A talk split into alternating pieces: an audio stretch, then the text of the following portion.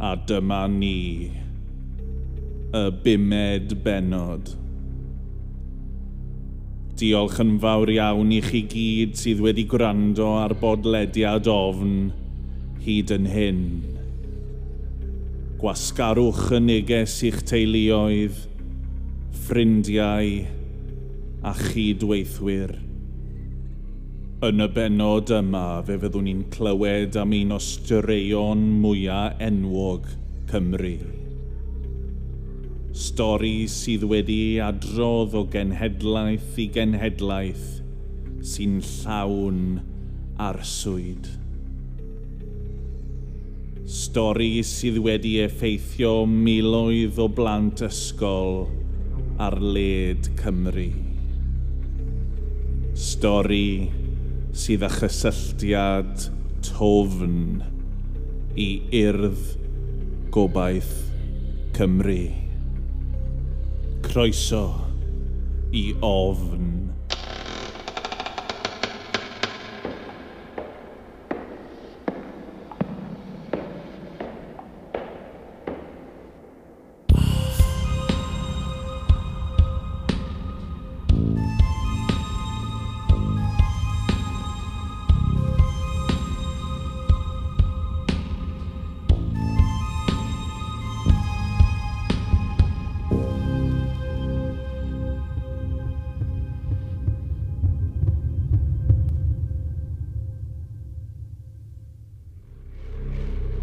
wrth i blant blwyddyn chwech dod i ddiwedd eu cyfnod yn yr ysgol gynradd.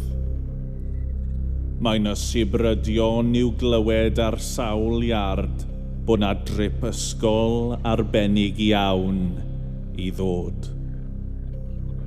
Trip ysgol i Langranog i ysgolion y de a trip ysgol i Lanllyn i ysgolion y gogledd gyda'r trip ysgol yn neshau, mae yna blant yn edrych ymlaen yn fawr iawn i gael sawl noswaith o'r rhyddid o cartref.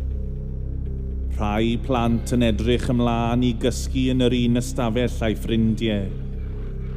Ond, mae yna blant sy'n ofn. Ofn bod ar ei hunain ofn beth fydd yn digwydd heb ei rieni, ac ofn beth fydd yn digwydd pan fydd golau yr ystafell wely yn cael ei ddiffodd.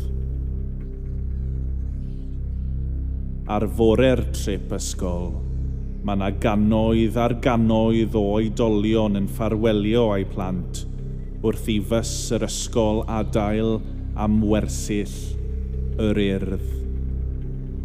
Ymhen awr neu ddwy mae'r plant o ledled Cymru yn cyrraedd y gwersyll. Wrth agos hau gallai'r plant ysgol weld bod na nifer helaeth o weithgareddau i'w wneud tra'n aros yn y gwersyll. Sgio, nofio, canwio, dreifio motobeic pedar olwyn, marchogaeth a llawer mwy wrth i'r bws ysgol ddod i stop.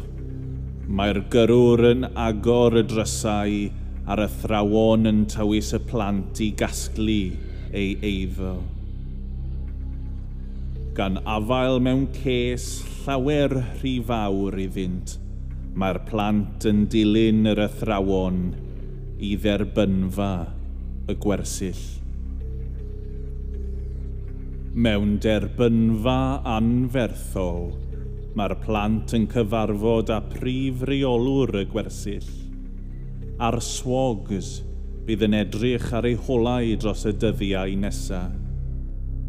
Ymhen dim, fyddai pob plentyn yn cerdded lawr coridor lliw hifen melynog a brown, yw ystafelloedd gwely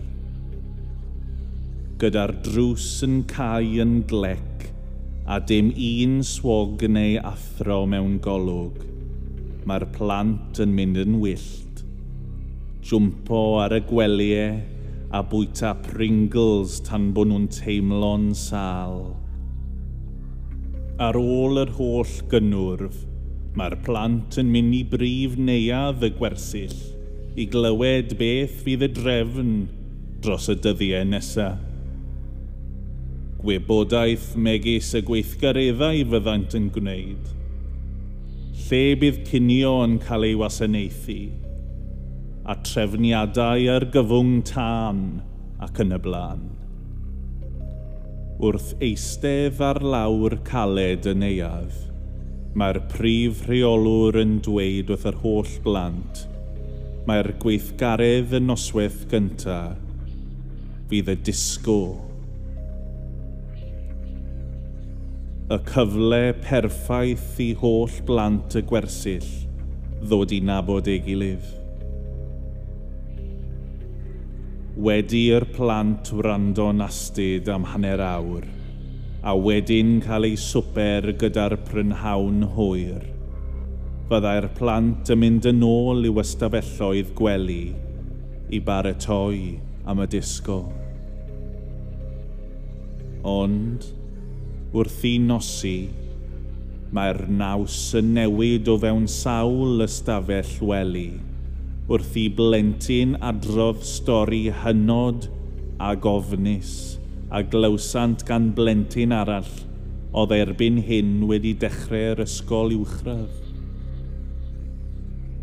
Stori ysbryd yn ôl y sôn byddai'r stori yn sôn am leian ddi, di wyneb, fyddai'n cerdded y gwersyll gyda'r nos. Yn ôl y stori, fyddai'r lleian yn cymryd llygaid plant wrth iddynt gysgu a'i defnyddio nhw tan iddi ddychwelyd ar llygaid cyn i'r plant ddihuno gyda'r stori yn fyw yn meddyliau sawl plentyn, fyddai'r disgo yn freuddwyd i raddau, wrth iddynt feddwl am y stori a sut fyddai'n effeithio i cwsg y noson honno.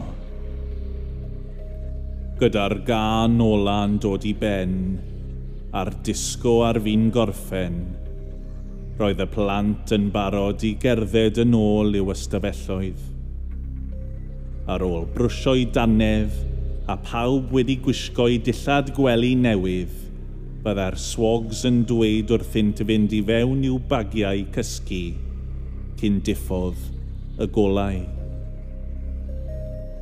Ar ôl i'r golau ddiffodd, a'r drws wedi cael gan un o'r swogs, byddai na sibrwd plant i'w glywed yn yr ystafell a chwerthin isel iawn yn atseinio lawr y coridor. Ar ôl oriau o droi a throsi, byddai na un plentyn dal ar ddi hun o fewn un o'r ystafelloedd, yn dal i feddwl am y stori erchill a glywyd yn gynt gyda'r golau'r lleiad yn goleo'r ystafell.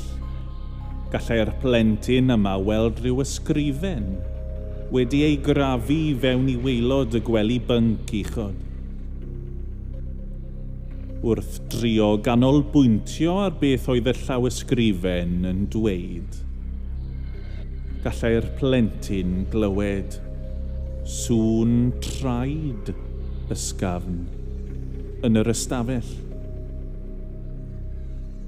edrychai i weld beth allai'r sŵn fod. Heb weld unrhyw beth, edrychai yn ôl ar y llawysgrifen. Mewn sioc llwyr, gallai ddarllen y geiriau anfarwol. The Black Nun was here yn yr eiliad honno, a calon y plentyn yn curo'n drwm. Gallai'r plentyn synhwyro bod golau'r lleiad wedi mynd am rhyw reswm.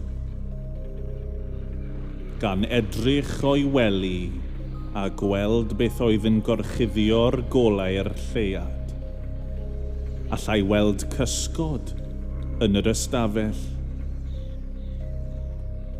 wrth i'r cysgod nes hau, gallai'r plentyn deimlo'i galon yn pwmpio fwy fwy, ac wrth i'r siap nes hau, gallai weld fanylder y cysgod.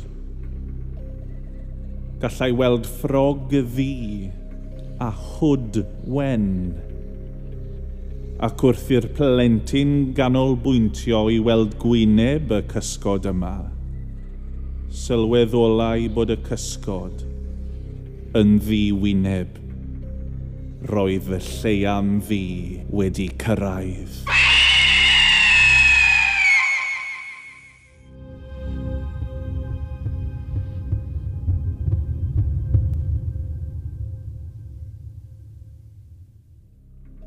A dyna ni am y benod yma.